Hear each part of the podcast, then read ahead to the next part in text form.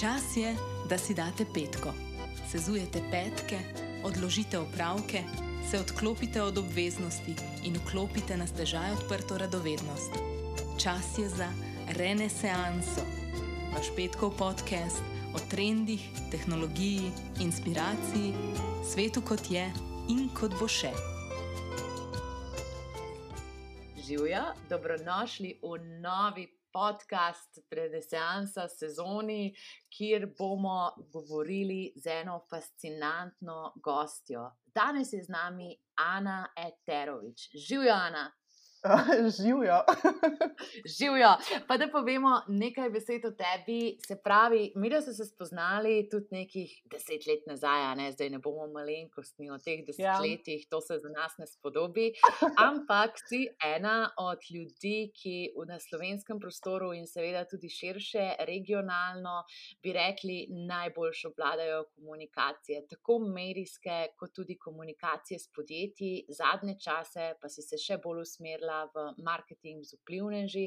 Tvoja karijera je bila na vse pestra, se pravi, delala si in agencijski del pri zelo znanih agencijah, tudi številnimi priznanimi blagovnimi znamkami, kot so BMW, Primark, Kia, seznam je seveda dolg in ga lahko kasneje dopolniš. Pri tebi mi je bilo pa vedno zelo, zelo, zelo všeč tudi to, da si zelo zgodaj rekla, da je podjetniška pot nekaj zate in mogoče v sklopu tega, kar si bila urednica na Netokraciji Slovenije in bila pač v stiku z vsemi temi fascinantnimi tehnološkimi dogajanji, je ta želja v tebi tlela. To je moja hipoteza, ki jo lahko preveriš, potrdiš, zanikaš, kot želiš. Joj, Maja, hvala ti za ta res lep uvod. ne vem, če bi se sama znala tako lepo predstaviti, kot si me ti. Uh, definitivno in v Sloveniji, in v regiji je še veliko ljudi, ki zelo dobro obvladajo komunikacije. Um, nekaj sem pa tudi sama prispevala k temu. Ja, mi dve se poznava že ja, skoraj dobro desetletje, nekaj smo tudi vmes sodelovali, v moje veliko veselje in tudi res najlepša hvala za vabilo v ta podcast. Moja karijera se je v bistvu začela tako vsaka karijera danes se mi zdi z nekimi občasnimi študentskimi deli, kjer sem v bistvu zelo hitro ugotovila, uh, da sem rada samostojna, da se hitro učim stvari, pa da, bom, da moja prihodnost zagotovo ne bo v neki. Kako bi rekla, v neki korporaciji, v nekem kubiklu. Že zelo zgodaj sem vedela, da rada delam sama, pa da rada delam zase. Zdaj, takrat, v tistih letih, ko si stara 18 let, ne veš točno, ali te bo odvleklo čisto podjetništvo, ampak imaš umen občutek, da šefica bi bila rada, če nekomu drugemu, pa vsaj sama sebi. Uh, moja prva služba je bila na Kia Motorsu, uh, Kia Motors Adria Group v Ljubljani. V bistvu je, gre za voznika vozil Kia. Eh, Volvo, bile so tudi druge blagovne znamke, Dodge, Jeep in tako naprej za celo Adriatic regijo, kjer sem začela kot uh, asistentka v marketingu. Uh, in to je bila ena taka res zanimiva izkušnja, ker me avtomobili nikoli niso preveč zanimali. Tudi naredila sem izpit, ampak se nekako nisem hotla voziti. In potem sem v bistvu skozi to službo pač ker ko delaš v avtomobilskem podjetju, si pač ne moreš dovoliti, da ne voziš. Tudi uh, začela že spet nazaj voziti, uh, kupila svoj prvi avtomobil in tako naprej. Potem me je iz Kije odneslo v agencijske vode in sem začela delati takoj po, potem, ko sem diplomirala v agenciji, um, marketinški agenciji Formitas BBDO v Ljubljani, kjer sem bila najprej asistentka vodja projektov, potem vodja projektov in potem me je v bistvu direktno iz Formita se odneslo na samostojno podjetniško pot. To je bilo jih deset let nazaj, ko je um, se v svetu začel ta trend skupinskega nakupovanja, če se spomniš, Groupona. Ja, seveda. Ja, in v bistvu smo z sodelavko s Formita ustanovili BigDeal.com, ki je bilo to vrstno, prvi to vrstni slovenski servis za kupone oziroma za skupinsko nakupovanje. A, po treh letih sem to podjetje um, prodala in, oziroma smo s partnerji smo ga prodali lastniku, novemu lastniku in um, pač sem se preusmerila v uh, marketinške komunikacije uh, oziroma komunikacijo na družbenih omrežjih, uh, digitalni marketing, PR, dogodke. Zadnje leta se pa res veliko ukvarjam tudi, kako si sama napovedala, uh, z marketingom z vplivneži. In nekako srednja tema bo danes najna bo ravno ta, uh, ta kanal komunikacije, uh, ta zvrst marketinga. Vmes uh, sem bila, kako si omenila, tudi urednica uh, slovenske različice uh, največjega regijskega tehnološkega portala, kjer sem res eh, nekaj let eh, aktivno pisala o slovenski in regijski start-up sceni. In ja, vsi ti ljudje, vsa ta podjetja. Vsi ti mladi podjetniki in navdihujoče zgodbe in ideje tudi tebe na nek način zaznamujejo, usmerijo, so ti v navdih, uh, tako da prav si ugotovila. Oh, ja, to me pa zelo veseli. Pa ne samo to, da si um, potrjujem lastna predvidevanja, ampak veš kaj, tako pri tebi je zelo zanimivo, ker si bila ena izmed prvih ljudi na tem področju. Mislim, če bi takrat mapirali sceno, ki je bila v Sloveniji, bi veliko katera pot vodila nazaj k tebi. In ja, v bistvu si bila zelo, zelo, zelo pionirska oziroma inovativna pri tej povezovanju marketinga in tehnologij. Ker če se spomneva, o moj bog, zdaj bo spet ena taka retra, Facebooka v letu 2008, 2009, pojma nismo imeli, kaj se bo naredilo z njim. Mm -mm. Tam se neke statuse objavljalo in tako vse je bilo zelo organsko. Metali smo ovce, eden v drugega, če se spomniš. Ja, moj bog. Sadili ja, smo neke rože, en drugemu na, na volu. Ja, takrat pač, so bili to neki prvi. prvi uh, Prvi neki premiki, nekje leta 2009-2010 so začele tudi blagovne znamke biti na Facebooku aktivne, nek uh -huh. boom se je zgodil leta 2011-2012. In še vedno je pač prisotnost na Facebooku kot največjem spletnem družbenem omrežju prisotna, ampak se počasi, oziroma pomembna, počasi se pa ta hype preselil na Instagram, eh, Snapchat, eh, potem je pač Instagram naredil boljšo verzijo Snapchata od samega Snapchata in je malo kilal Snapchat, eh, zdaj pa pač na TikTok. Ne. Tako da vsaka generacija ima neko svoje omrežje, noben si ne želi deliti družbenega omrežja s svojimi starši, s svojimi starimi starši. Tako da um, Facebook, Instagram, TikTok, nobeno to mreže zaenkrat ne kaže, da bo propadlo, ampak pač um, selijo se pa generacije, oziroma nove generacije iščejo neki svoj, svoj prostor in svoje kanale. Ja, absolutno. Pa še tako, kar se pa tiče vpliva na marketinško sceno, kot so prej napovedali, zdaj, naprimer, fokus na marketingu z vplivneži, to je stvar, ki se je pred osmimi leti ne bi mogli predstavljati, da se bo naredila. Ne? Zdaj, naprimer, že znotraj ene platforme se stvari fragmentirajo v tok različnih možnosti za razvoj karijere. In imaš Facebook oglaševanje, in imaš splošno objavljanje, in tole je pač zelo roče področje, ki ga bomo danes naslovili. Tako da meni je pa to predvsem privlačno zaradi možnosti prihoda mladih ljudi v poklic na sceno, ker se mi zdi, da te stvari, ki jih delamo na družbenih omrežjih, da ti lahko zelo, zelo, zelo pomagajo pri profiliranju v karieri.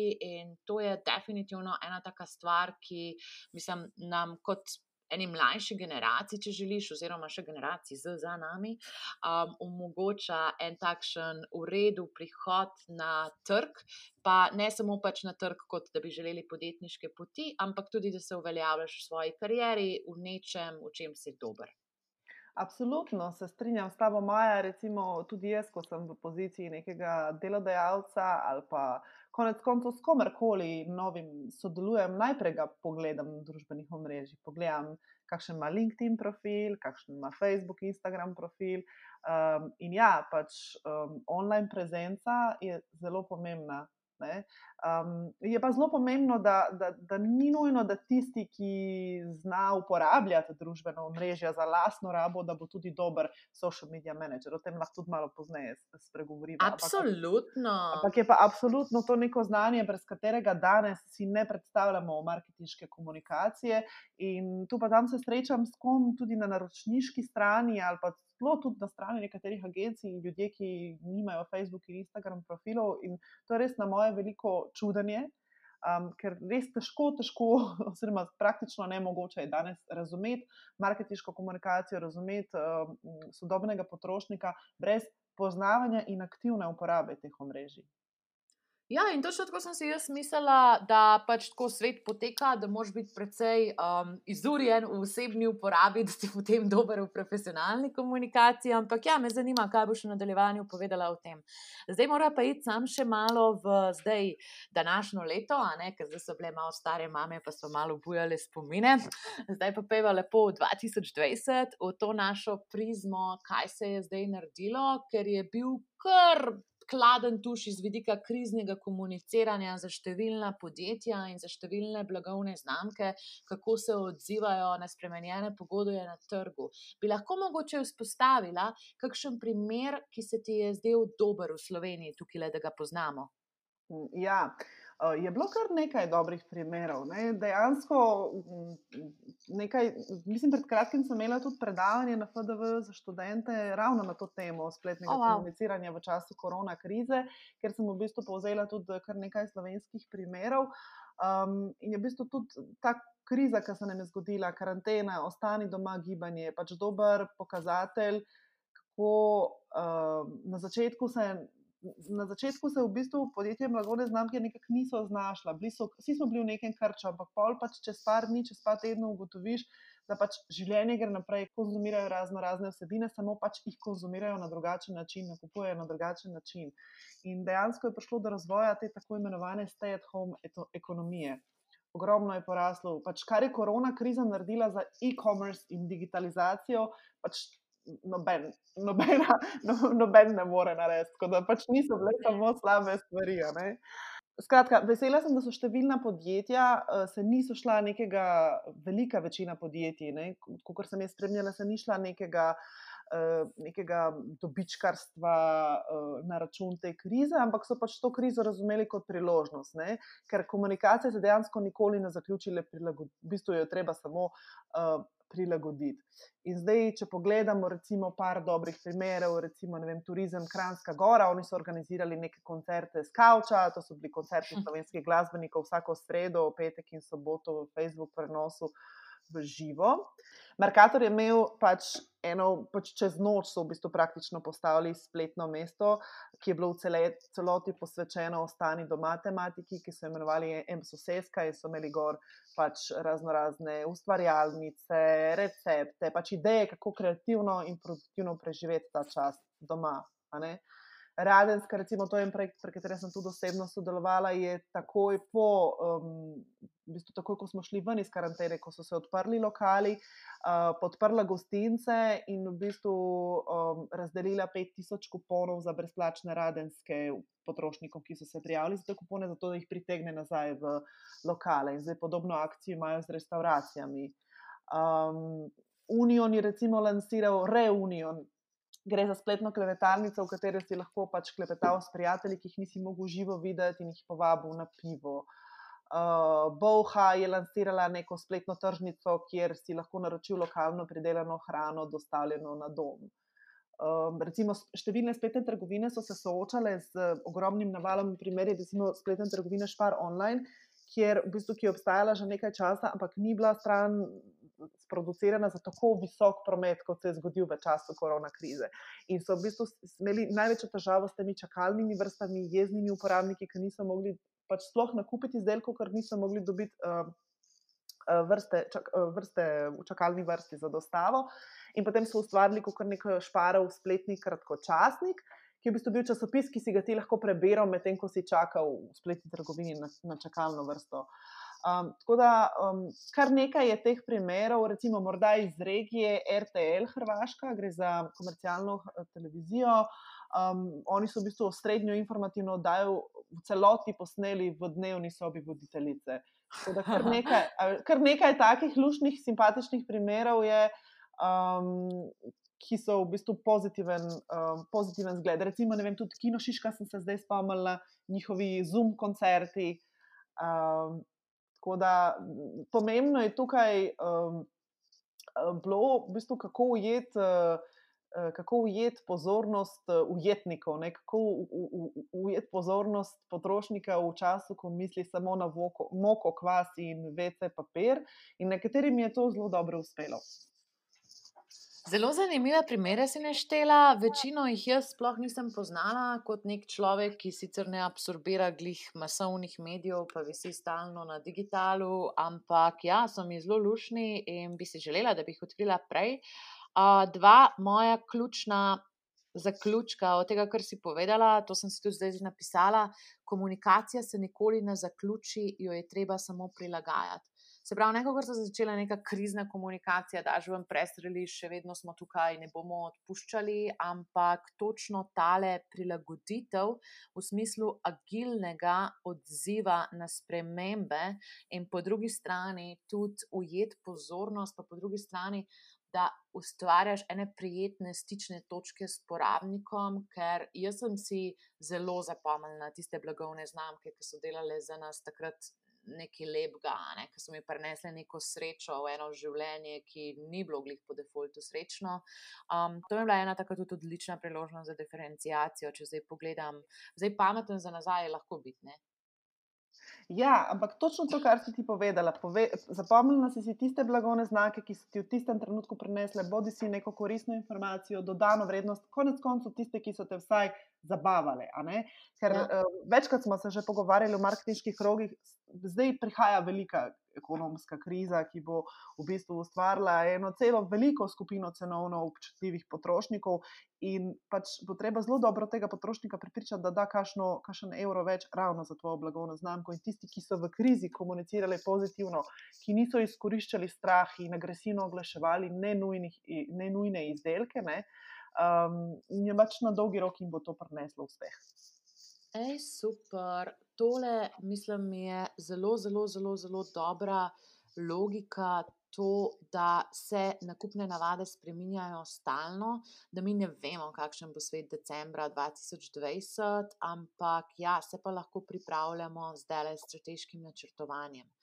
Zdaj gremo pa na tisto, kar že vsi, seveda, zelo, zelo, zelo čakamo. In sicer se bomo pogovarjali o marketingu z vplivneži. In zdaj ne bom te vprašala, če se je to v času korone kaj spremenilo, ker jaz si predstavljam, da so sam še več super vsebin lahko naredili, ampak da bi na mesto tega, lepo te prosim, povej, um, kako si ti zaznala. Potencial tega komunikacijskega kanala, kako te je to sploh začelo zanimati, Dana? V bistvu, um, sam če se navežem še na prejšnjo temo, ne, kako je tudi korona, daj, daj. Kriza, v, korona kriza vplivala na, na, na marketing. A pa sem te zvabila, da ja. ja, si me. Na vse moram povedati svoje mnenje. Glavnem, uh, ja, tudi na njih, tako na celotno marketinško komunikacijo, je vplivala korona kriza. Absolutno uh, je, je to bil trenutek, ko, ko, ko je bila odgovornost, po moje, na prvem mestu. Uh, kjer pač ni bilo prostora za objavljanje nekih uh, lepih fotografij, uh, throwback fotografij, fotografij iz Balija ali pa iz Tajske, ampak um, od vplivne že vse pričakovalo in številni so to tudi storili, da svoj vpliv izkoristijo za neko uh, više dobro, da povabijo, da opozorijo na ostani doma, um, hashtag da prikaže, morda, kako se pravilno uh, roke razkuži in upozorijo na, na ostale, ostale ukrepe. In tisti, tisti, tako kot blagovne znamke, tisti, ki so v tistem trenutku odgovorno komunicirali, se jim je obrestovalo na dolgi rok, čeprav tudi njim ni bilo najlažje, ker tisti, ki živijo od tega, so pač se seveda poznalo na marketinških budžetih in honorarjih. Uh, morda so malo več podjetja, ki so del te stay-at-home ekonomije, kot so dostavne službe, uh, razno razni spletni servisi za naročanje hrane, spletne trgovine so malo več takrat delali uh, z vplivnoži, zdaj se pa pač že en mesec, dva počasi stvari vračajo v neko uh, normalno stanje oziroma predkoronsko stanje, um, kar se tiče sodelovanja. Kako sem pa jaz to odkrila?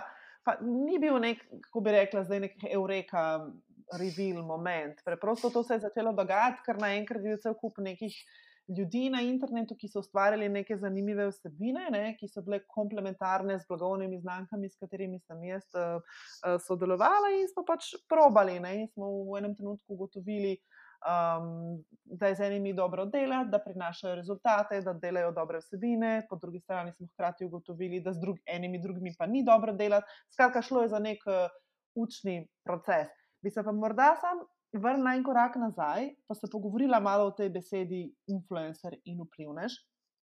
Ker se mi zdi, da je v nekem širšem, širšem kontekstu včasih tudi psovka, oziroma grda beseda, že ratala. Um, oziroma o, o vplivu samem. Zdaj, influencerji, oziroma vplivneži, neki mnenjski voditelji, neki gatekeeperi obstajajo, odkar človek obstaja.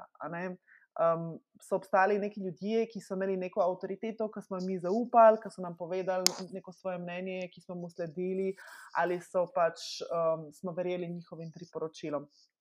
Z razvojem uh, interneta, oziroma sploh za, z razvojem družbenih omrežij, se, se je pa oblikovala ena, ena, nova, ena nova skupina ljudi, ki jim rečemo pa spletni vplivneži.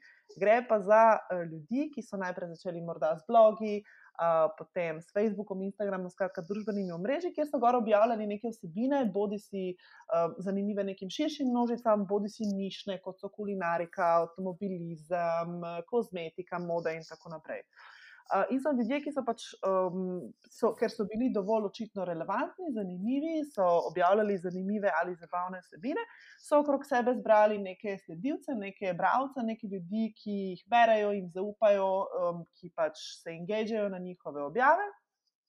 In je potem to postalo zanimivo tudi blagovnim znamkam.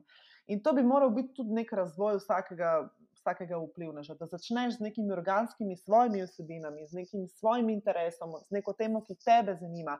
In potem, če delaš dobro, če delaš dolgoročno, če delaš kvalitetne vsebine, če imaš aktivno občinstvo, bojo prišla tudi plačano sodelovanje z blagovnimi znamkami. Um, Čakaj, čakaj, čakaj, zdaj da bom pa jaz mečken, mečken, mečken ja. jedla iz roke, se upravičujem. Kako si ti zdaj predstavlja ta svet vplivnežev, um, gre tako kot za medij, kot za neko platformo, prek katere ti lahko komuniciraš. Um, kaj pa meni mogoče mal manjka v tej definiciji, je pa ta efekt skupnosti. Se pravi, a veš, dotaknili smo se tega, on, on ali ona producira vsebine, zbere si eno občinstvo in kot da občinstvo bi bilo nekaj pasivnega. Ampak meni ena taka točka, ki mi je totalno zanimiva v tej ekonomiji vpliva in spletnega vpliva, je v bistvu večsmerna komunikacija. Se pravi, tudi njihova publika. Pa ne bom rekla, da se zdaj vsi nagibamo k temu, da smo vplivneži, ker, ko spremljam Davida in Aido, ki je bila tudi predstavljena v uh, podkastu, je to en ogromen, ogromen, ogromen del. Ampak tako, ful se mi zdi pomembno pri tem upodariti tudi to dvosmerno komunikacijo. No? Kot ni sam produkcija vsebine, ampak kot je v bistvu še ta management skupnosti in odgovarjanje na stvari. In tako ne bi rada, da se zanemar ta heavy load, se pravi, velik obseg tega dela. Absolutno, absolutno, malo se strinjam. Skupnost je tista, uh, tista uh, ki je tukaj ključna. Ne? In koliko je, koliko je skupnost zaupa temu influencerju, koliko se engage na njegove vsebine. Ne? To je dejansko, ne? zakaj mhm. sodelujemo uh -huh. z vplivom, že zato, da pridemo do, do njihov, njegovih sledilcev, ne zaradi njega samega. Um, tako da, um, absolutno se strinjam s tabo in omenila si delo in workload. Um, ja. Dejansko to je delo, to je full-time job, številni morda tega ne razumejo. In morda tudi določeni profili izgledajo zelo banalno in izgledajo zelo kot, oh, ona se sam ali pa on se sam slika tam, brez veze, pa nič ne dela. Ampak tisti res veliki, um, ki, imajo, ki, ki dnevno producirajo vsebine, ki dnevno se pogovarjajo s svojimi sledilci, komentirajo in tako naprej. To je res ogromno enega dela in zato je pač se je ta poklic tudi profesionaliziral. Če se sam vrnem en korak nazaj, uh -huh. uh, ko sem govorila o tem nekem organskem razvoju vplivneža. Um, seveda, ker, vid, ker je teh profilov veliko, tudi lokalno in na svetovni ravni, pač in ker pač seveda družbena mreža so tako narejena, da, da je vedno vse olepšeno, imamo občutek, da, da vsi ti ljudje živijo neka razkošna življenja, da samo hodijo na večerje, da se slikajo, uh, da gor dol. Um, je veliko mladih, ki si to želijo postati. Uh, brala sem neke raziskave, res presenetljivo visok procent uh, mladih ljudi si želi postati Instagram zvezda. Imamo tečaje, kako uspeti na Instagramu, kar je po moje absolutno, absolutno zgrešena pot. Ker ti, v bistvu, če želiš, recimo, v neki fazi to postati, moraš začeti zelo organsko, moraš začeti s kvalitetnimi sabinami, s komunikacijo s svojim komunitijem in občinstvom.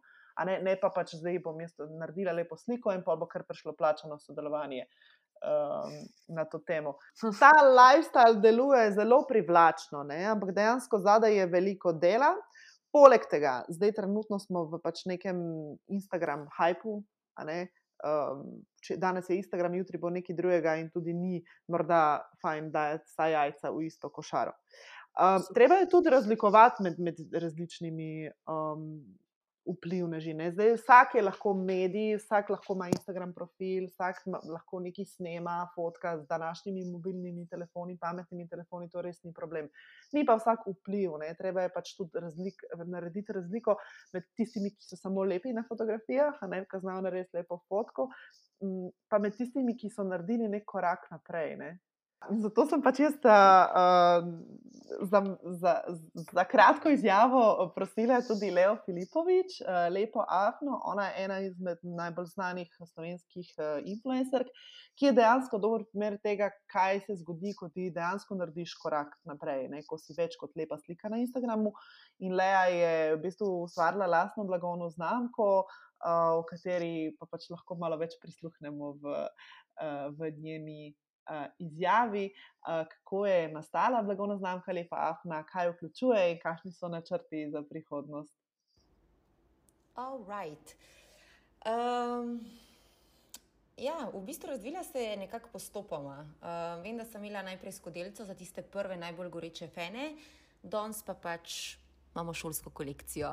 Uh, skodelco sem naročila takrat, mislim, da je enih 100 kosov, pošiljala vse sama. Uh, Šolska kolekcija, recimo za informacijo eh, oziroma primerjavo, vsebuje preko 100 tisoč kosov vseh izdelkov in je na voljo, vemo, da po vsej Sloveniji na policah pri veletrgovcu. Um, tako da blagovno znamko v bistvu sem razvila nekako skupaj s svojo rastjo in followerjev in prepoznavnostjo in kaj je bil pravi timing, I guess. Pa nimam nekega fiksnega plana, je pa zanimivo, da me zadnje čase vedno več ljudi to sprašuje. Um, zagotovo ne bom mami blogerka, tista tipična, ki bo torej testirala v imenu otroka, kaj je dobro in kaj ne, ker niti ne razumem, kako lahko rečeš, kjer voziček je dober, če se ne furaš v njemu, ampak ok, pustimo. Uh, vsaj ne vidim se v tej vlogi na ta način. Je pa tako, da glede na to, da sem še vedno v svojih 20-ih, verjamem, da seveda blagovna znamka Lepa Afna bo rasla z mano. Zdaj želja je obdržati neko hudo, dobro šolsko kolekcijo, ki je torej namenjena um, splošno vsem najstnikom in ne samo mojim fenom, ker če bi to v bistvu želela, potem bi dala vem, svojo faco gor in čau, bi bilo to najlažje. Tako pa v bistvu želim ustvarjati neke izdelke, ki so zabavni, ki so koristni, ki so v mojem stilu, v moji estetiki, z mojimi barvami, mojim podpisom. In skratka, da na dolgi rok v bistvu naredimo eno tako lifestyle ponudbo enih kul cool izdelkov za mlade in pa seveda tudi mlade po srcu. Super izsek, hvala lepa za to fantastično presenečenje. Jaz tudi javno povem, da imam tudi njene šolske pripomočke, zvezek um, in da ja, se mi zelo, zelo, zelo dopade, kako je naredila iz svojo skupnost, pač meet and greeti, potem kako ima sodelovanja, kako njenega partnerja že ta lepo izpostavlja noter. Tako ima definitivno eno tako prisrčno komunikacijo, zelo avtentično komunikacijo komunikacijo, ki rezonira na nek način pozitivno. Tudi z mlajšimi ljudmi. Ker, kot si prej rekla, Ana, tako mladi si želijo biti Instagram zvezdniki, sam da eno roko na srce, a si ti tudi mi nisi želela imeti svoje pop skupine, ki si gledala Bipop, pa postani zvezda, pa to. Dejansko ne, jaz sem hotela biti policistka ali odvetnica, ker sem gledala, sem gledala te serije. sem pa vesela. Okay. Jaz pa vesela, da Slovenija ima talent in sem malo pela, če pa na balkonu, jaz to priznam. In to se mi zdi, mislim, tako, a veš, že to, da imajo pač punce svoje lokalne vzornice, se pravi, da niso sam pač tako na te ameriške hiperzvezdnike, uh, ampak da nekdo iz podobnega kulturnega okolja lahko jim daje neko sporočilnost v življenju. Se meni zdi zelo koristna stvar, mislim, jaz sem definitivno njen fan. Ja, jaz sem tudi fan uh, lepe Afne in imam tudi njen rok. Kaj delali skupaj? Ja, ja, veliko sodelujemo. Veliko sodelujemo. Okay. Rokovnik, ni, eh, pink rokovnik, ni me sram. V glavnem, um, hotel sem sam se uh, navezati na to, sem pa vesela, veš, da na, naši generaciji, najni generaciji, ni, niso bila dostopna družbena omrežja, ker jaz sem bila pri puberteti tako neumna, da bi zagotovo na YouTubu ali Facebooku ali kjerkoli objavila nekaj, kar bi me spremljalo potem celo življenje in sem res dejansko hvaležna, da sem se s to vrstnimi platformami srečala že v zrelih letih, ko sem dobro premislila, kaj objaviti in kaj ne. Absolutno. In ta element odgovornosti do svojega občinstva, mislim, da res njim delaš na dolgi rok, uh, se mi zdi super. No? In prelej, potem pr Aidi Rotaru Rankar, pr Davidu Rankarju. Tako, res se mi zdi, da je en takšen profil influ, uh, vplivnežev v Sloveniji, ki pač imajo svoje pozitivna sporočila. Ana, je mogoče kakšno tako sodelovanje, ki si ga imela na področju vplivnostnega marketinga, ki bi ga želela še posebej izpostaviti, ki si še posebej ponosna na njih, da je bilo nekaj tako drugačno, pa da vas je lepo presenetilo. Pa veliko, imam veliko, mislim, veliko dobrih primerov. Ne vem, če bi kakšnega posebej izpostavila. Mislim, že nekih pet, šest let že aktivno delam wow. z vplivneži tako iz Slovenije in iz uh, Hrvaške. Uh, recimo ena zelo odmejna kampanja, ki smo jo lani pripravili s slovenskimi um, Instagramerji, je kampanja o potvoritvi trgovine Primark, ki je bila zelo, um, zelo uspešna, zelo velik doseg je imela, tudi poznala se je potem na obisku trgovine in tako naprej. Um, sama sodelu, sodelujem tudi pri projektu Štarta iz Slovenije z, v sodelovanju z agencijo Formitas, kjer sem zunanja izvajalka za področje družbenih omrežij in influencer marketinga. In tam tudi res že peto leto pišemo zelo lepe, zelo lepe podjetniške zgodbe in tudi zelo lepa sodelovanja z, z vplivnoži. Se pa tudi na tej poti naučiš, oziroma ko potestiraš sodelovanje s kom in ugotoviš, da morda jih najbolj profesionalen, najbolj najbolj fajn za delati, in potem s takim pač uh, ne delaš več uh, naprej.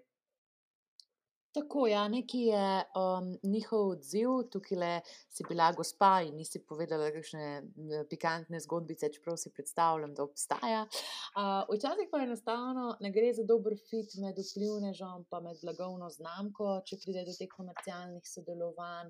Um, kako pa, mislim, ti kot strokovnjakinja s šestletnimi izkušnjami menedžmenta, dobrega fita med vplivneži in um, blagovnimi znamkami, ko izbiraš, s katerimi boš delala, kaj upoštevaš, Ana?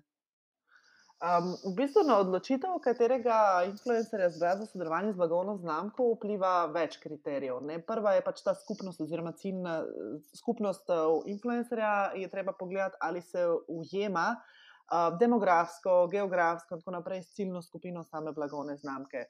Kakšni so sploh kampa cilji kampanje? Število sledilcev je pomembna metrika, ni pa najbolj pomembna metrika. Um, in tukaj je zelo pomembno uporabljati uh, platforme kot so Social Blade, Blade recimo, ki v bistvu spremlja rast sledilcev skozi čas, kjer so se pač zdaj, če dalje manj, ampak v preteklosti se, so se pojavljale pač te slabe prakse kupovanja sledilcev na Instagramu.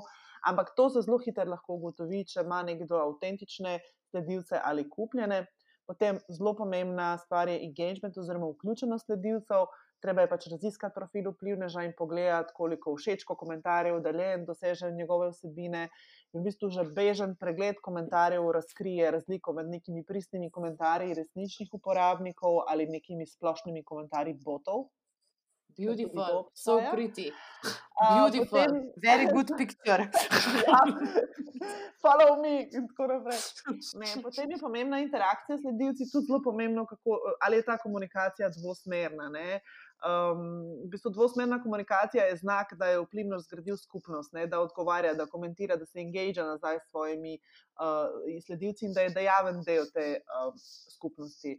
Uh, Pomemben kriterij je tudi kakovost vsebine. Zdaj, ali je vsebina profila premišljena, ali so pod privlačnimi fotografijami skrivajo neki smiselni zapisi ali neke na pol pismene neumnosti, ker tudi to se dogaja. Ko objavi čudovito fotko, spodaj pač napiše nek tekst, kjer manjkajo vejce, pike, velike, male začetnice. To je zelo pomembno. Ali vsebina odraža vrednote, s katerimi se lahko poistoveti blagovna znamka. Ne? Mm, če mm, vplivnež uporablja sovražni govor, konfliktne vsebine, pač je res je treba premisliti, ali je povezovanje s tako osebo lahko dolgoročno vpliva na posel. Uh, Potem je treba pogledati tudi pretekle sodelovanje in plačane objave, s katerimi blagovnimi znamkami je vplivnoš sodeloval v preteklosti, kakšen je ogled teh podjetij, kako pogosto se odloča za plačano sodelovanje. To je zelo pomembno, ne? ker um, veliko, veliko ustvarjalcem kar zadišijo ta plačana sodelovanja in, ja, ne ja. delajo, in ne delajo selekcije, in zelo hitro pride do neke razprodanosti. Jaz pač mislim, da na, na profilu mora biti res neko, neko ravnotežje med plačanimi in organskimi sebinami. Kaj pa bi ti priporočala, tako, kaj je te preveč, da bi lahko to kvantificirala? Zelo težko bi to kvantificirala, ker je tudi odvisno od samega plačanega sodelovanja, na kakšen način je izpeljano. Ampak v vsakem primeru mislim, da večina vsebin mora biti neplačanih. Če, če pa -huh. pogledamo neke profile, določene na Instagramu, danes je pa čist vsaka objava plačana. In ne glede na to, koliko je lepa, uh, privlačna, pač zgleda kot res en tak glosi časopis, ki ga listaš in imaš na vsaki strani praktično oglas. To pač se mi zdi nekako zgubi na meni. Absolutno, ja, plačena sodelovanja, ne? ampak mora biti pa premišljena, mora biti pametno zastavljena, mora biti zelo, kako bi rekla, native uvrščena med organske osebine, ki jih mora biti dovolj. Um, tako da velika večina organskih vsebin bi jaz rekla. Zelo pomembno je pa tudi, uh, kakšne so tudi prodajne veščine influencerja. Ne? Ali on zna uh, blagovne znamke in izdelke subtilno vključiti v svoj kanal in jih prodati sledilcem, ali zna povedati zgodbo, ali zna neko sporočilo blagovne znamke prilagoditi na način, ki je za njega avtentičen, ampak hkrati, da, da sledilci to razumejo in da ga slišijo. Tako da, kot vidiš, cel kup enih kriterijev, ki jih je treba upoštevati pri tem, ko, ko, ko, ko uh, izbiraš, uh, s kom bi s kom bi sodeloval. In te zadnji kriterij me je v pravici povedano, kar presenetil. Uh, sama največ vidim teh sodelovanj, veš, uporabi promo kodo dan 13, da dobiš popust v stvarih. Um, tako zdaj te, mislim, podjetja, tipe podjetja, ki jih jaz malo bolj poznam, se pravi iz high-techa, pa iz e-commerce. Um, zelo, zelo, zelo veliko se dela na sledljivosti tega, kako pride prometa po, UTM linkih ali pa okrajšenih linkih, potem referral code se zelo gleda, zelo se to vrednoti, če število prodanih. No. Zdaj pa glede na to, da ti delaš za večjimi blagovnimi znamkami, take, ki ne bom rekla, investirajo tudi v znamčenje, ampak mogoče ni vse, vse metrike usmerjeno v neposredno prodajo od posamezne objave. Kako vi vrednotite uspešnost teh sodelovanj? Ja, dejansko si zelo dobro naredila neko razliko med tema dvema tipoma sodelovanj. Prvi je, kjer se dejansko pač ta nek, neposredni prodajni odziv lahko izmeri s pomočjo affiliate linkov ali razno raznih kod, ker ti dejansko lahko takoj vidiš, kakšen je vpliv, mhm. vpliv vplivneža. In to se grejo kakšna manjša podjetja, a ne sple, specializirani spletni trgovci, dostavne službe, zdaj recimo veliko je pač e-hrana in volt delata res ogromno zdaj vplivne, z vplivneži.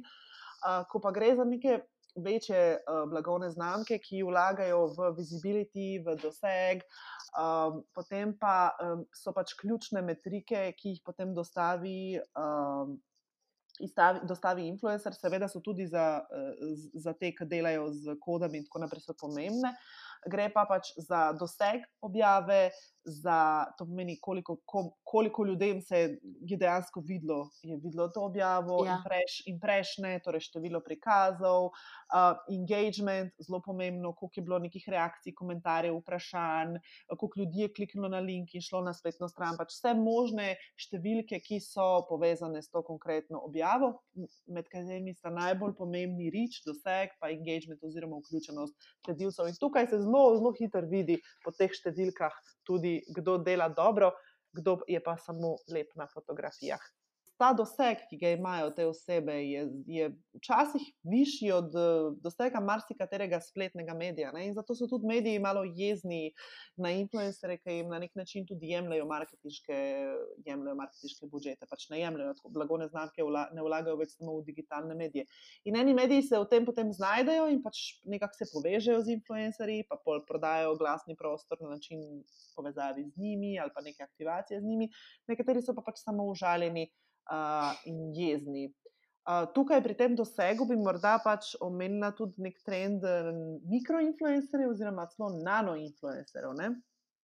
Dejansko, ker veliki influencerji pač so na nek način zelo zasedeni z različnimi blagovnimi znamkami in zelo ciljajo na neko maso, neko masovno, uh, masovno publiko, obstajajo pa tudi neki zelo mali uh, nišni profili, ki imajo neke male skupnosti, ki so morda no, zelo nišno, nišno usmerjeni. Recimo, veliko takšnih je za pohodništvo in outdoor aktivnosti v Sloveniji, ki imajo morda 1000, 2000, 3000 sledilcev, uh, ampak delajo pa čudovite fotografije, čudovite vsebine iz hribov. In ravno zdaj smo delali eno kampanjo z nano in mikroinfluencerji, ravno na temo pohodništva, in moram reči, da je res. Uh, Da je res dosegla nek, uh, nek dober efekt seveda, še spet številke ne smem razkrivati. Um, da, ne, sam ja. je pa všeč, da si povedala, naprimer, da veš, število, ki je relevantno za Slovenijo, se pravi, da ne prideš na radar za sodelovanje, le če imaš 50 tisoč sledilcev, ampak da se tudi s takimi profili, ne bom rekla, normalnih ljudi, navadnih smrtnikov, da v bistvu z dobro vsebino pozicionirati kot nekdo, ki lahko prispeva k kampanji. Ne rečem zdaj, da je nosilec kampanje, ampak da si lahko člen te zgodbe, ki je mnogim ljudem zelo privlačna. Ja, dejansko recimo, imamo tudi primere za podjetja, ki se načrtno povezujejo z mikroinfluencerji. Recimo za projekt Štarte Slovenija v sodelovanju z agencijo uh, Formitas Video, za naročnika Špar smo zdaj izvedli en natečaj, kjer smo zbrali v bistvu 50 nano mikro uh, Instagram profilov, ki, s katerimi bomo zdaj delali celo poletje, potem jih bomo na koncu izbrali pet. Um, in dali jim bomo izdelke, postavljali bomo predizive, da, da ustvarjajo različne vsebine. Uh, in so se prijavili res simpatični ustvarjalci, tako res zelo kreativni, po 1000, 2000, 500 sledilcev, ki si želijo malo zbildati svoje profile, sprobati kakšne nove stvari. Um, tako da, ja, to bo tudi ena tako zanimiva kampanja, o tem si lahko potem septembra poročam, kako je šlo. Absolutno. Pa tudi ta kampanja, mislim, da si jo že prej omenila, Primark, to veš, da sem jaz ogromen fan te kampanje. Sem ti takoj čestitala, uh, ker sem zvedela, da imaš prste na tipkovnici vmes zraven. Uh, veš, kaj te moram pa še vprašati? Tako le, ker včasih pa razmišljam, pa malo vsebin dobimo od uporabnikov, pa malo vsebin dobimo od najrazličnejših influencerjev. Kakšno je pa razmerje teh vsebin za nek komunikacijski plan? Se pravi, še vedno moraš kreirati vsebine kot svoja blagovna znamka, normalno, moraš držati tudi narativo na ostalih zadevah, ampak kako se ti zdi, da je ta user-generated content, se pravi, vsebine, ki jih naredijo uporabniki, in po drugi strani content, ki ga producirajo vplivneži kakšen je optimalen procent tega v komunikaciji? Um, zelo težko govorimo o nekem optimalnem procentu, ker je čisto odvisno kaž, od, od blagovne znamke, od budžeta, od ciljev kampanje in tako naprej. Um, tako da to je bolj vprašanje za nek, nekoga, ki dela z bolj celostno sliko, oziroma z nekim medijskim budžetom, na kakšen način ga optimalno razporediti. Je pa dejstvo, da so vplivneži trenutno del skoraj vsake resne, večje digitalne kampanje v Sloveniji, vsaj po tem, kar sem jaz zasledila. In tukaj obstaja več načinov sodelovanja. Eno je pač to neko klasično, da vplivna že vključiš na način, da pač on objavlja na svojem profilu vsebine, ki so povezane s tvojo blagovno znamko, drugi način pa je, da ga ti vključiš um, na način, da on v bistvu ustvarja vsebine za te in za tvoje kanale. Ne? Ker številni, so številni ja. zanimivi blogi, ki um, zanimive osebe, ki znajo pisati, ki znajo dobro fotkati. In to se je recimo ful v korona krizi pokazalo ko je bila produkcija praktično odsekana, nisi mogel praktično nikamor nič snemati, ne? nismo se mogli zbirati. In dejansko so tukaj priskočili vplivneži, ko je bilo treba producirati kontent za blagovne znamke, ki imajo doma studije, ki znajo posneti video, ki znajo fotkati, recimo, ne vem, mame blogerke so različne uh, ideje, kako kreativno preživeti čas z otroki, doma delali, uh, uh, kulinarični blogeri, recepte za različne blagovne znamke. Tako da tudi to znanje, ki ga imaš, produkcijsko znanje, se, se da uh, pri vplivnežu se da unovčiti na dolgi rok. Ja, čudovito. To mi je zelo dobra poanta tudi tega, a veš, ka vedno, ki si delaš v marketingu, se sprašuješ, kaj so tvoje primarne kompetence in kaj je boljše, bolj učinkovito, bolj uspešno, da zaupaš v izvedbo nekomu drugemu. In tukaj so vplivneži malo kar prevetrili trg. Ko včasih tako, ali si si postavil lasten studio, ali si pač najel nekoga, da ti je to posnel. Um, zdaj se mi pa zdi, da je prišel še en takšen zanimiv, zanimiv akter na trg. Pa jaz vedno rečem, mislim, ker se pogovarjamo, ti ljudje so profesionalni content creatorji. Oni, mislim, njihov pa primarna vloga je to, da svojemu občinstvu dajo vsebine, ki bojo z njimi dobro rezonirane. Te ljudje niso umetniki, oni so zelo, zelo, zelo usmerjeni na to, kaj bo palilo. In tudi od njih se lahko ogromno naučimo. Jaz včasih že, ki gledam, veš, kako se oni oblečejo za na kamero, pa zdaj le, ki smo se precej, veš, na Zoom po okoljih pogovarjali. Pa sem videla, kaj YouTuberke nosijo, pa sem se sama poskušala podobno obleči, zato da ni moteče, če me eno uro gledaš v faco. Se učiš, učiš se od vplivnih. Ja, ja. Bravo, ja, ne, vem, kako, ne vem, kako se ti naučiš za snemanje, verjetno imaš še boljše konekcije, kot jaz, jaz moram biti pa iti YouTube gledati. Ne, uh, pa dejansko, dejansko imaš prav, ne? ker so ti številne te zabine zelo premišljeno, zelo premišljeno ja, narejene ja, zelo. in zelo veliko se lahko iz njih naučiš. Pa res um, ogromno tudi spremljajo analitiko, skozi se izboljšujejo. To so, mislim, iz vidika tega, kaj se je nam naredilo, to kot trend na sceni, ki smo v marketingu, eni ljudje, ki ne moreš reči, pač samo, ah, tukaj le gleda neko občinstvo, jaz jim lahko plačam pač tako 600 evrov, da sodelujemo, karkoli že. Um, dobro jih je imeti kar stalno na radarju kot en element medijskega prostora, ki zaenkrat ne gre nikamor. Ja, definitivno, influencers are here to stay. Ne? Vsi, ki so napovedovali, da je pač to nek hype, ki bo v zatonu uh, k malu, jaz osebno mislim, da ne bo. Samo diferencirali se bojo uh, tisti, ki dobro delajo, ki delajo drugače, od tistih, ki pač ne delajo in ti ne bojo preživeli. Uh, morda bi prisluhnili tudi tokrat uh, lepi Afni, pa njenem komentarju, kako ona vidi prihodnost influencer marketinga. Influencer marketing, jaz verjamem, da je eden najboljših oblik prenosa informacij na ljudi. Zanimiv je v bistvu strani oglaševalcev ravno zaradi zvestih baz sledilcev. Torej, mladi TV-ja danes ne gledamo. Tudi, kad ti bo nekdo rekel, ja, pa, pa ne vem, saj so še zmeri neke vsebine za mlade. Ne. Mi oglase prevrtimo naprej, obožujemo Netflix, YouTube, Instagram, revi pravzaprav se ne kupuje več. Tudi pogledajte, da jih v Sloveniji recimo delijo kar v lokalih, spiješ eno kavo, mm, dobiš revijo. Um, tako da pred kratkim sem brala članek, da je napoved, da se bo nekje 80% celotnega budžeta za marketing, torej za oglase, preselil na splet, na influencerje. Zdaj, pasti o tem, da danes vsi želijo biti influencerji zaradi keša, zaradi daril, zaradi pitaj Boga vsega, česa. Um, ampak v bistvu je pa tukaj pomembna naloga naročnikov, da dobro, dobro poznajo svoj trg, torej trg, kjer delajo, da vedo, kdo ima v bistvu fake followerje, ker tega je ogromen, uh, kdo oglašuje danes to kremo in jutri že konkurenčno kremo, ker tega je tudi še vedno preveč. Um, naloga agencij in agentov je v bistvu, da naročniku predstavijo dobre, kvalitetne in pa seveda ustrezne, absolutno ustrezne influencerje za določen brand.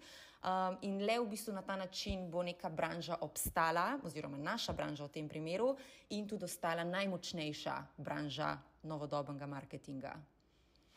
Zdaj, kar se pa tiče trendov, pa nisem obremenjena s trendi, kam bo vse skupaj šlo, kam se bo predstavil.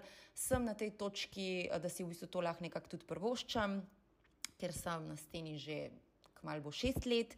Um, definitivno bi pa svetovala nekomu, ki bi začenjal torej, s social platformami, da absolutno ne bo prisoten posod in da ne dela s polno paro dober kontent.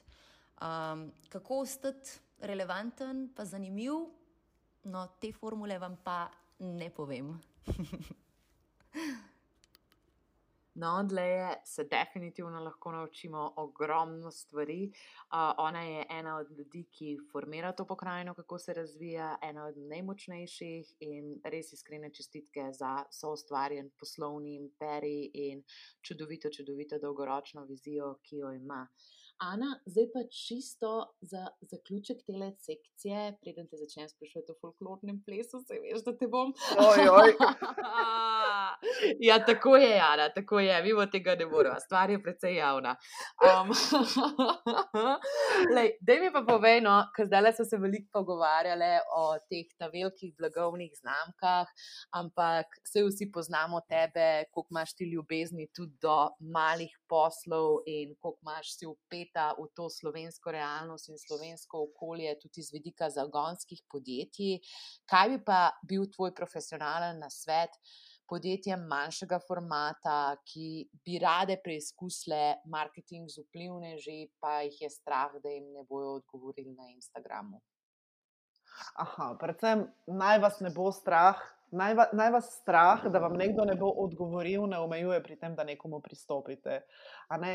Mala podjetja, zagonska podjetja nimajo velikih budžetov in tudi pač svetujem jim, da se na začetku obrnejo morda na manjše. Um, profile z manj sledilci, s katerimi se lahko dogovorijo sodelovanje, za sodelovanje na podlagi kompenzacije ali nek, morda nekega manjšega honorarja.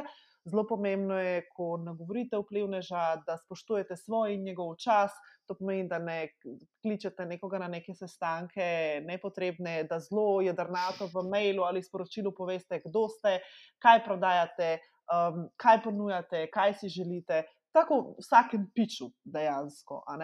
Um, pač, um, in več načinov je sodelovanja, um, malim, ki lahko izmerijo roj, dejansko prodajni, res svetujem um, sodelovanja na podlagi affiliate programov oziroma na podlagi kod, kjer lahko dejansko praktično izmerijo um, učinkovitost kampanje zelo, zelo hitro in učinkovito, ker budžetov za nek branding, visibility, reach in kampanje, neke večje kampanje zagotovo nimajo, tako da v bistvu za vsak evro uh, je fajn vedeti, kam je šel in kako se je, kako se je uh, obrnil. Ja, to je realnost. Tudi, ja, veš, kaj delaš, naprimer, za starte. Um, Slovenija projektom, pa take zadeve, vidiš, kako je pomembna res ta alokacija sredstev. Me sam še tako, mogoče eno pod vprašanje na tem področju. Pri samem izboru influencerjev, a bi priporočila kakšno tako platformo, kot je naprimer Influi, ali se pogovarjaš s svojim občinstvom, katere vplivne že oni spremljajo, kako validiraš te nano vplivne že, kako jih pravilno identificiraš, glede na to, da si želiš maksimizirati ta rezultat. Platforme kot je Influence so v bistvu zelo koristne, ko uh, ne poznaš trga, uh, ko ne poznaš, ko nisi toliko aktiven na Instagramu. Meni je zaenkrat uspelo ročno in organsko priti do vseh profilov, s katerimi sem sodelovala, in imam tudi neko lastno, precej veliko bazo. Absolutno so pa te platforme koristne, ker skrajšajo ta čas e, iskanja, influencerji so tam razdeljeni glede na niše, e, tudi vse številke so na enem mestu. Tako da, um, absolutno za nekoga, ki se je na začetku tega, mu zagotovo pride prav, bi priporočila to vrstno platformo, ki v bistvu te neke začetne korake bistveno skrajša in olajša. to mi je zelo všeč, da si rekla, zato ker pač jaz vedno poskušam malo pragmatično pomisliti, kako so bi pa res lahko nekdo lotil, ker ne vem. Pač, če je nek tip, ki prodaja tam ženske žabe, kako bo zdaj on gledal deset ženskih profilov, kjer najbolj slika svoje noge. I don't know. In tukaj le tudi pač tako urban svojo ekipo zelo lepo svetuje. Um, ti pa si tudi zelo, zelo, zelo aktivna pri deljenju znanja in preko preko družbenih omrežij, potem s FDV-jem imate pogosto sodelovanja. Um, čistko, če bi, naprimer, zdaj le nas poslušala ena punca, ki je na zgodni strani 20, um, pa bi rekla, wow, jaz bi tudi želela delati nekaj podobnega kot Ana. Kaj bi ti svetovala? Obstaja študij za to, uh, kako se tega naučiš? Jaz bi rekla, naj mi piše za prakso. oh, lepa. Kam ti pa lahko piše, Joana? Uh, sej na Ana, Afna, fabola.agency. Se bomo pustili spodaj, verjetno nekje. Dobro, v dobro, v pa najme ja, pa prvo povabilo za prakso, ko smo ga dobili v podcast, predvsem drugocen trenutek. ne, mladim, mladim predvsem svetujem to, da, da, da gledajo, kaj se dogaja okrog njih. Pač, uh, že zdavnaj ni, ni poslovno življenje, ne funkcionira tako, da ti potem od 19 do 22 leta študiraš in potem po študiju iščeš službo. Ne, ampak že med študijem. Iščeš prakse, iščeš možnosti nekih sodelovanj, spremljaš medije, spremljaš, kaj se je okrog tebe dogaja, hodiš na oglaševalske festivale, zdaj, če govorimo o konkretni naši panogi. Ne? Najslabše, kar se lahko zgodi, je, da ti priješ ne, na pogovor za prvo službo in ko te delodajalec vpraša, no, kaj ste pa počeli zdaj zadnja štiri leta in ti rečeš, sem študiral pač, ja, super, ne? ampak kaj si poleg tega počel? In se mi zdi, karkoli poleg študija počneš, je dodaten plus. Tudi če si prostovoljni gasilc ali pa pač plešeš v folklorni skupini, tako kot jaz po študentskih letih. Ne veseli, da boš tudi ti. To tudi veliko pove, uh, pove uh, o tebi, kot o sebi. Tako da, ja, definitivno, če si nekdo želi učiti o tem in si želi delati na tem področju, uh, naj se mi javi, zakaj ne. Jaz vedno potrebujem dodaten par rok in z veseljem delim znanje naprej. Pa tudi takšen si, no, res povezovalec na tej sceni. Mislim, tako res prepoznaš ljudi, ki imajo željo in talent. Tako da ti si eden izmed zelo, zelo, zelo pozitivnih likov v tem prostoru. Bi se pa navezala še na to, kar si rekla. Hvala, Maja, za te lepe besede. Prosim, z veseljem. Um, ne, pa samo to, kar si rekla, ne rezonira samo tako na način za mlade, ampak mogoče tudi za tiste, ki jim je ali tale čas, ali pač lasna želja po spremembi, nekako dalo za misel, da je čas za razvoj nove kariere. Isto, kot vas je ja, um, Ana prej upozorila, treba je začeti nekje, najslabše je, da narediš dva online kursa in se potem začneš pre, uh, prijavljati na nove pozicije. To ne poteka tako, um, malo več kože je treba, da to igro. In tole je en takšen zelo, zelo, zelo dobro nameren na svet iz najstne strani, a ne Ana, ki smo pa že kaj, kakšno podjetje so pa že videli vznotraj. Tako je. Ja. ja, ja, par pa. Um, da vedno se trud, ta, ta trud in samoocijativnost zelo, zelo, zelo centa, še posebno pa delo na projektih, ni nujno, da samo na plačanih projektih. Ok, zdaj gremo pa na folkloro. Kako, Ojej. zakaj, kako dolgo, da bi povedal malo več o folklori? Ne, ne, ja. ne, verjetno je, super je, pol me fascinira, ne vem, ga ne poznam, kaj dela to. A res? Ne, se jaz že nekaj časa se s tem ne ukvarjam, ker sem začela predvsej mlada, začela sem pri 12 letih, plesala sem več kot 20 let um, in to je ena taka ljubezen moja, ki nikoli ne mine, ampak pač pride človek v leta, ko preprosto ne more toliko obveznosti več imeti, ker pač je to nek cel lifestyle postane. So vaje, nastopi, turneje, uh, dodatno neko delo v društvu. Jaz sem tudi pač predsednica akademske folklorne skupine Franca Maro od pet let in to je bila pač tudi ena taka, še ena služba za zraven, ki je bila seveda prostovoljna. Ampak um, mi je pa folklora prinesla res ogromno enih lepih izkušenj, enih lepih prijateljstv, uh, ljubezen, uh, potovanja, ogromno lepih spominov. In pa številna znanja z področja organizacije projektov, dogodkov, pridobivanja sredstev, sponzorstv, neke interne komunikacije, dela z ljudmi. Tako da to je res eno tako lepo, lepo poglavje v mojem življenju. Ej, kako lepo. Drugače pa, glede na delo, ki ga upravljaš, pa si na svoji podjetniški poti, predstavljamo si vsi, lahko, ki te poslušamo, da koordiniranje tako kompleksnih računov, s katerimi upravljaš ti, da povzroči tudi kakšen siv las ali dva. kako balansiraš, um, da si še vedno dobre volje, pa pač hodiš v hribe, pa tako zdrava, pa mislim, ne bom rekla zdrava, pa nasmejana, ampak tako, how do you keep your chill? Ne vem, taka sem, takšna sem se rodila. Ne vem, sem pač bolj uh, energične narave, nekak mi energije ne, ne zmanjka. Ba, kako balansiram, včasih slabš, včasih boljš, to je pa čisto odvisno od dneva, od tedna, koliko je dneva, koliko je stresa. Ampak starejša, ko sem, eh, bolj cenim prosti čas, več časa si mhm. vzamem za odklop od mailov. Recimo, so bila obdobja prej, ko sem bila res deloholik, totalen, po cele noči delala, delala izven delovnega časa, delala vikende. Zdaj pa pač se mi zdi, da z leti tudi pride neka meja oziroma neka linija, ki jo pol potegneš in rečeš, ok, super, zdaj sem to naredila, to je good enough, dober je gremo zdaj ven, gremo se družiti, gremo pač s hobiji se ukvarjati, gremo v hribe in tako naprej. Delam še vedno veliko, verjetno pač več kot, neko, kot je neko povprečje, ampak vsi, ki so na neki samostojni podjetniški poti, se srečujejo s, s podobnimi a, a, zadevami. Ampak ja. Um, Ko enkrat um, finančna eksistenca ni več glavna skrb, ne, začneš ja. bolj ceniti svoj čas kot denar. Um, tako da veliko je potem uh, potem na tem. Je treba najti balans, absolutno strinjam. Jaz sem še vedno v nekem, kako bi rekla, dinamičnem iskanju tega, ampak zaenkrat se dobro počutim, zdrava sem, imam dovolj energije, uh, sem precej zadovoljna.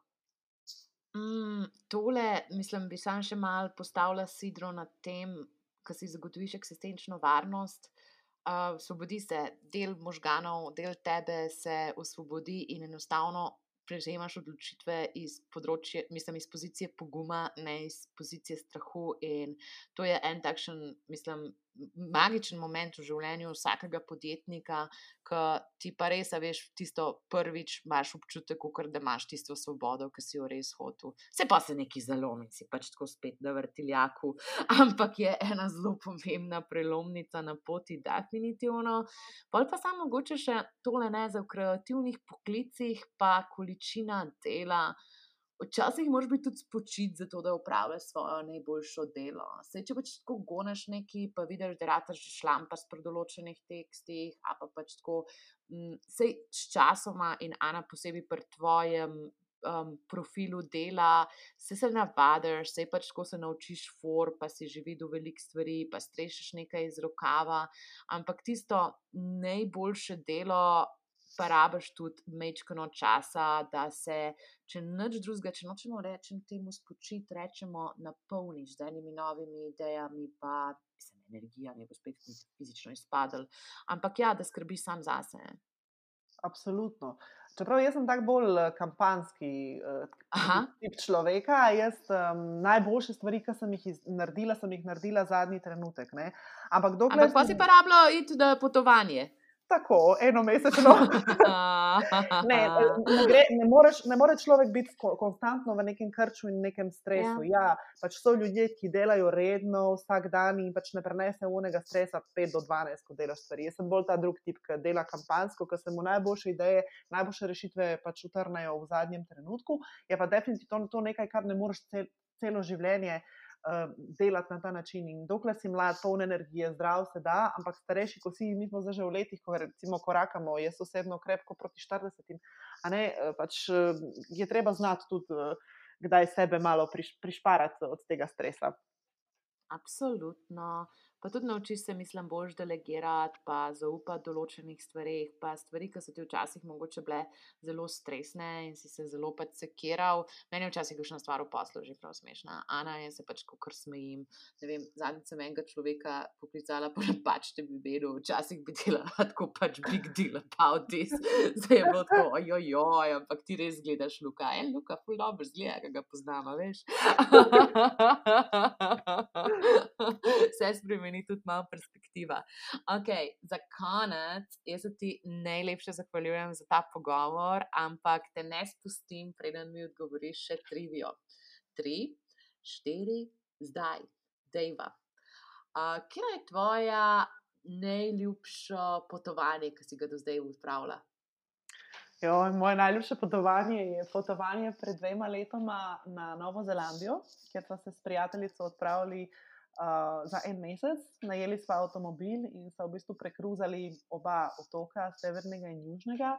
Spali smo v avtomobilu, jedli smo v avtomobilu, vozili smo se v avtomobilu, ustavili smo se kjerkoli smo želeli, veliko smo hodili, veliko smo časa preživeli v naravi in to je pač um, en, ena najlepših potovanj, ker ta geografska oddaljenost, pa tudi časovna razlika, ki je tam celo 12 ur, ker dejansko, ko so se moji naročniki v Sloveniji prebujali, ne, sem šla jaz spat in mi je totalno ni zanimalo, kaj se dogaja v Sloveniji. Totalno, pač, ko greš tako narediti, to je pa dobesedno drugi konec sveta si pa perspektiva uh, pač obrne in res vsakemu za zdravje in dobro počutje, če le ima možnost, svetujem, da se odpravi enkrat na Novo Zelandijo. Kje dobiš največ koristnih informacij za profesionalno rast in razvoj? Uh, na različnih uh, specializiranih medijih, specializiranih blogih, uh, veliko berem o trendih, kaj se dogaja. Trend watching je recimo za me ena taka top spletna stran, kjer spremljam trende v smislu marketinga, v smislu razvoja potrošnika. Uh, berem netokracijo, seveda, uh, spremljam določene ljudi na LinkedIn, pač um, Instagramu, Facebooku. Danes je dejansko vsakdo ne, lahko ustvari nek svoj mikrofeed, uh, kjer sledi res dejansko samo ljudem in stvarem, ki ga zanimajo. In to je tudi neka prihodnost um, konzumiranja, konzumiranja uh, medijev. Ne? On demand bomo konzumirali tiste zasebine, ki jih bomo želeli, ki nas bodo zanimale.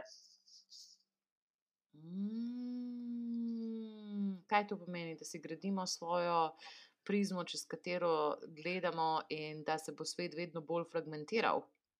Ja, absolutno. In da je prihodnost v nekih fragmentiranih, nišnih, ciljnih medijih. Ja, absolutno ne bodo množični mediji izgubili tako hitro na svoji veljavi. Ne?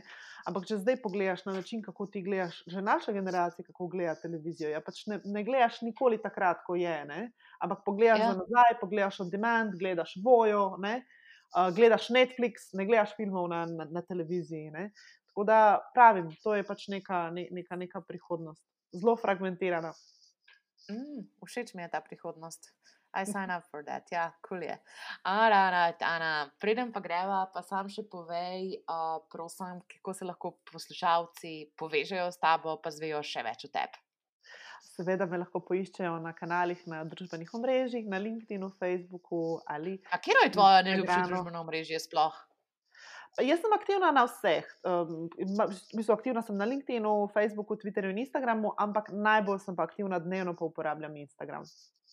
O, oh, wow, super, the best. Sem mislila, da ja, Twitter uh, si včasih bil bolj aktualen, ne zdaj ja. več toliko. Uporabljam ga še vedno, ampak res na dnevni bazi pa Instagram. O, lepo. Ana, najlepša hvala. Hvala lepa tudi Lej, ki se nam je tako prijazno oglasila. Se že veselimo tvoje nove šolske kolekcije, res razharaš, restauraš, bravo, bravo. Uh, tako da, ja, še boljše hvala pa poslušalcem za še eno odlično epizodo, ki upam, da jo bomo s skupnimi močmi spet porili med pet najbolj poslušanih podkastov v Sloveniji. Hvala lepa, Ana, bila si odlična, srečno tudi naprej. Hvala, Maja, tudi tebi za vabilo in za vse lepe besede, ki si jih povedala v meni v tem podkastu z veseljem zasluženo in še kdaj. Pa pa! Ciao!